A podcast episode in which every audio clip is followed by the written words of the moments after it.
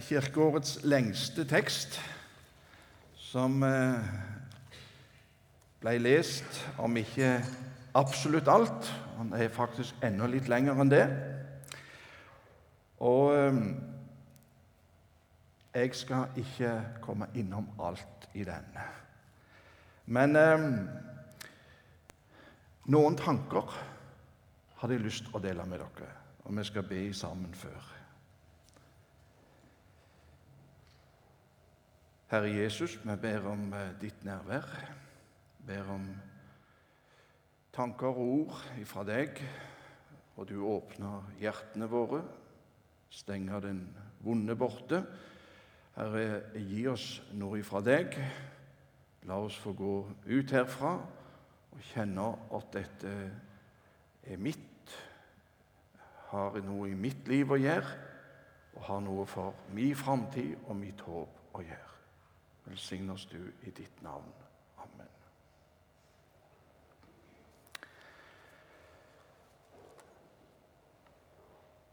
Da de hadde sunget lovsangen, gikk de ut til Oljeberget. Det var den vanlige avslutningen på påskemåltidet.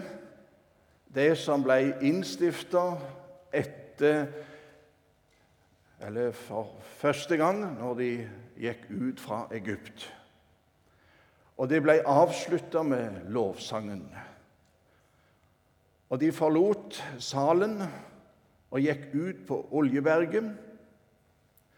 Og på vei til Getsemane så har de nok noen stans, og Jesus har eh, sine avskjedstaler der ute under stjernehimmelen. Jeg har lest dette så mange ganger at jeg tror faktisk jeg klarer å være med dem i tanken. Ifra denne salen og påskemåltidet. Episoden med Judas. Med disiplene som lurer på hvem som er størst. Og en Jesus som vet hva som står før. Og som vet at Og dette forteller Lukas at Jesus sa det det er siste gangen jeg skal ete dette påskemåltidet sammen med dere. Jeg skal aldri mer ete det før det er fullkomment i min fars himmel og rike. Det så han fram til. Å få lov å være en tilskuer så nær som mulig til det som skjer der. Det er veldig fortetta, det første verset i denne teksten. Etter de har sunget lovsangen, så bekjenner Peter sin makt og sin evne til å ordne opp i dette som nå skal skje, og står føre. Han eh, kommer med denne bekjennelsen. Om alle andre så skal i hvert fall ikke jeg forråde deg, svikte deg. Om det så skal koste meg livet, så skal jeg gjøre det. Det er Peter sin makt. så langt og så sterkt. Det, det er den evne han har. Det er det han må på en måte trive til å si det, dette er det jeg kan stille opp med. Og Jesus viser sin makt når han eh, river seg løs ifra dem og går bort. Og han ligger ikke slik som det bildet viser. Men han ligger helt knust. Han begynte å engstes. Han lot det slippe inn over seg. Han har med sterkt skrik, rop og tårer frembrakt bønner til Han som kunne frelse ham fra døden, står det i Hebreabrevet. Han, han lot det komme inn over seg. Og han viser sin makt. Der har mine tanker vært. Vi tenker vår makt. Når det står om noe på vegne av Guds rike, så tenker vi akkurat som Peter. Nå må vi stå opp og vise makt. Nå får vi reise oss og gå i tog og demonstrere ta fram sverdet og si 'Nå skal vi vise vår makt'. For nå gjelder det Guds rike sak. Og så er det en som viser Guds makt med å legge seg ned innenfor Han som kunne frelse han fra døden. med å vise sin makt. Jeg vet ikke om han foldet sine hender, men han la de nok bare sånn ut. I dine hender overgir jeg. Er det mulig, så la dette gå meg forbi. Men er det ikke mulig, så la det bli som du vil, ikke som jeg vil.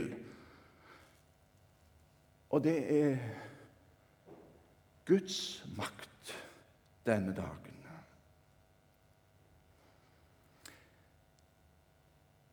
Det går sin gang. En regi som Gud har lagt i minste detalj. Til Pilatus, til Herodes, tilbake igjen. Og Pilatus undres over denne. Forstår du ikke det, sånn at jeg har makt til å gi deg fri, og makt til å korsfeste deg? Du hadde ingen makt om den ikke var gitt deg ovenfra, sier Jesus til ham. Og det må ha vært rart for han som sitter med både dommermakten og bøddelmakten og har hele kontrollen, og sier du må være klar over at jeg har makt til å slå deg i hjel. Ja, du hadde ikke den om han ikke var gitt deg ovenfra. Det er en over deg òg. Guds makt er langt over alt dette. Vi får se Judas sin avmakt, som ligner på Kains-bekjennelsen etter syndefallet når det første brodermordet skjedde, og han sier jeg, min skyld er større enn jeg kan bære den. Og det samme sier Judas. Min skyld er større enn jeg kan bære den. Han viser menneskets avmakt. Vi har ingen mulighet. I dette har alle synder og står uten ære for Gud. Det er ingen forskjell fra Kain, den som ble Den som kom fra slekter til slekter til slekters gang, til Judas. Jeg kjenner på menneskehetens avmakt. Og så har du den ondes makt, som blir synliggjort gjennom de eldste og gjennom ypperste prestene. Det er de som får han dømt. Det er de som lager intrigen, sammensvergelsen. Det er de som går ut og henter han inn. Det er de som betaler Judas svikerpengene. Det er de som oppildner folket til å rope 'korsfest' når det blir valget mellom Jesus og Barabbas. Den ondes makt blir synliggjort gjennom forvalterne av Guds rike. Er skremmende.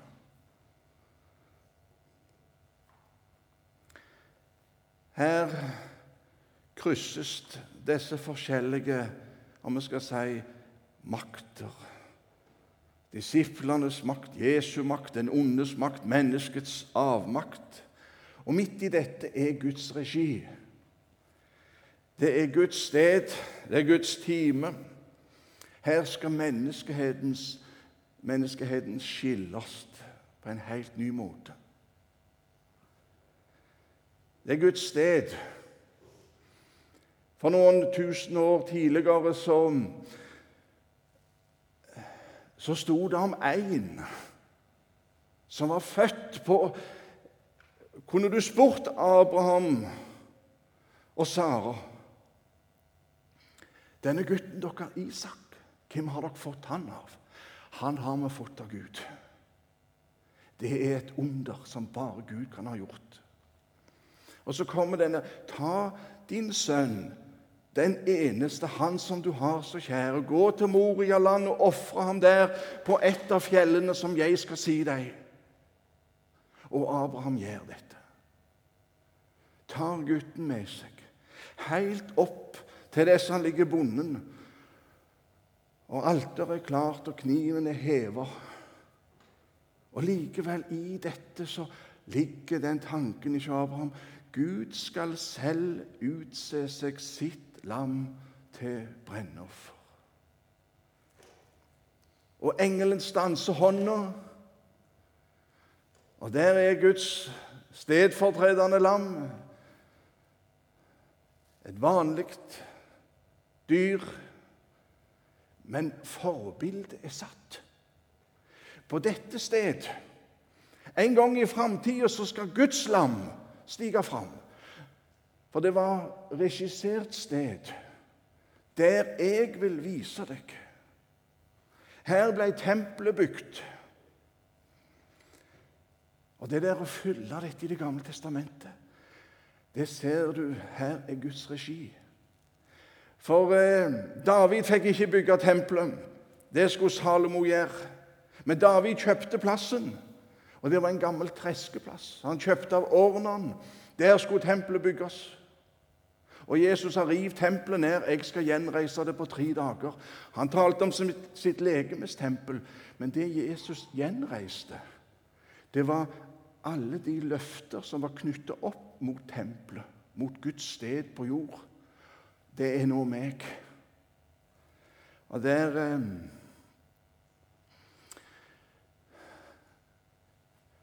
har vi nå en helt ny adgang. Guds sted, Guds time. Her blir menneskeheten skilt. Det var en treskeplass. Også to andre, to ugjerningsmenn, én på høyre og én på venstre side, begge fortjener det samme, begge i samme stand og stilling. Det er ingen forskjell på dem. Og så blir de skilt ut ifra hvordan de stiller seg til Guds offer, til Guds lam. Den ene spotter, sier 'frels deg sjøl og oss'. Den andre sier 'tenk på meg når du kom i ditt rike. Og få høre sannelig skal du være med meg i paradis.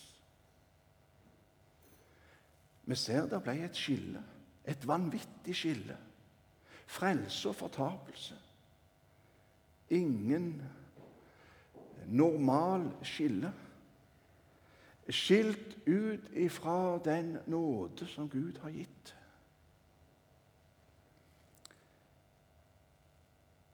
Nå skal dere få se en, et lite sammendrag av en film. Jeg har litt tro på det at i påsken skal vi prøve å nå flere sanser for å kjenne på dette budskapet. Det er lagd en film som heter 'Dead Man Walking'. Og Det er en som sitter fortjent på dødscelle i USA. Han har myrda, og han har voldtatt uskyldige barn. Og så skal dere få se glimt av til å begynne med det som har skjedd. Nyhetsoppleseren kommer med bruddstykker. Og så møter du denne sammen med advokaten. Hvorfor gjorde du dette? Hvem er du? Nå skal du ta straffa for dette. Og så går det igjen I'm looking for a loophole. For en utvei. Han begynte å lese i Bibelen for om mulig å finne a loophole, en utvei. Er det en utvei når en er kommet der hen? Nå skal dere få se denne. Være med meg i paradis. Jeg har blitt kalt for mye før, sa han. Men aldri har jeg blitt kalt for sønn av Gud. Men sønn av mye annet har jeg blitt kalt. Det som er så sterkt i dette, det er at eh, en eller annen plass så skjer skillet fra død til liv. Og det å få se noe sånt og kjenne på noe sånt, det er det alt dette dreier seg om. Og det var en som kjente hva det var å sitte på, på dødscella. Det er beskrevet i Salmenes bok. Min Gud, min Gud, hvorfor har du forlatt meg? Langt borte fra min frelse er min klages ord. Min Gud, jeg roper om dagen, og du svarer ikke om natten, jeg tier ikke. Jeg er en orm og ikke et menneske. Jeg er spottet av mennesker og foraktet av folk.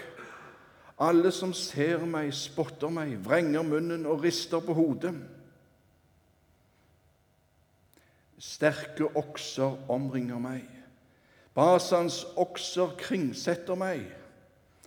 De spiller opp sin munn imot meg som en sønderrivende, brølende løve. Jeg er utøst som vann, og alle mine ben skiller seg ad. Mitt hjerte er som voks smeltet inni meg. Min kraft er opptørket som et potteskår og min tunge henger fast ved mine gommer, og i dødens støv legger du meg.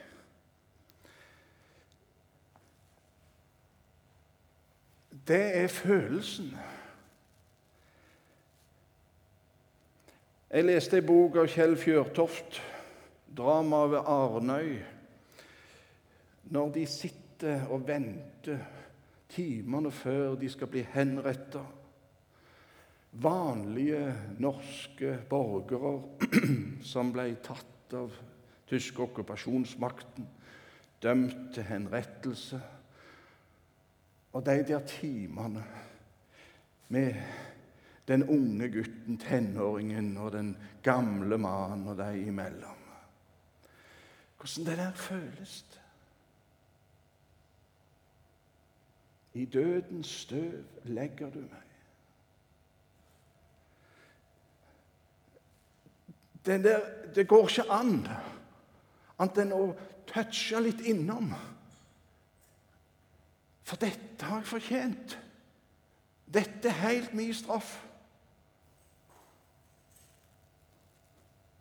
Og det er ikke noe smutthull Men jeg eh, oppdaget jo da at det er en som har gjort dette istedenfor meg.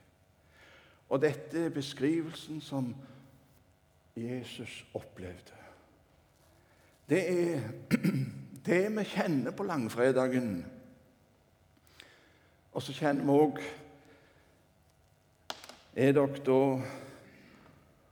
oppreist med Kristus, så søk det som er der oppe, der Kristus sitter ved Guds høyre hånd. Vi er da òg oppreist med Kristus. En eller annen plass der blei det skilt.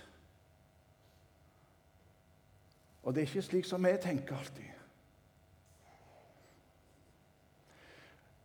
Har vi evnen til å forkynne det rette? Slik at et menneske får se, gripe og bli oppreist med Kristus. Det er noe av det som er gitt oss.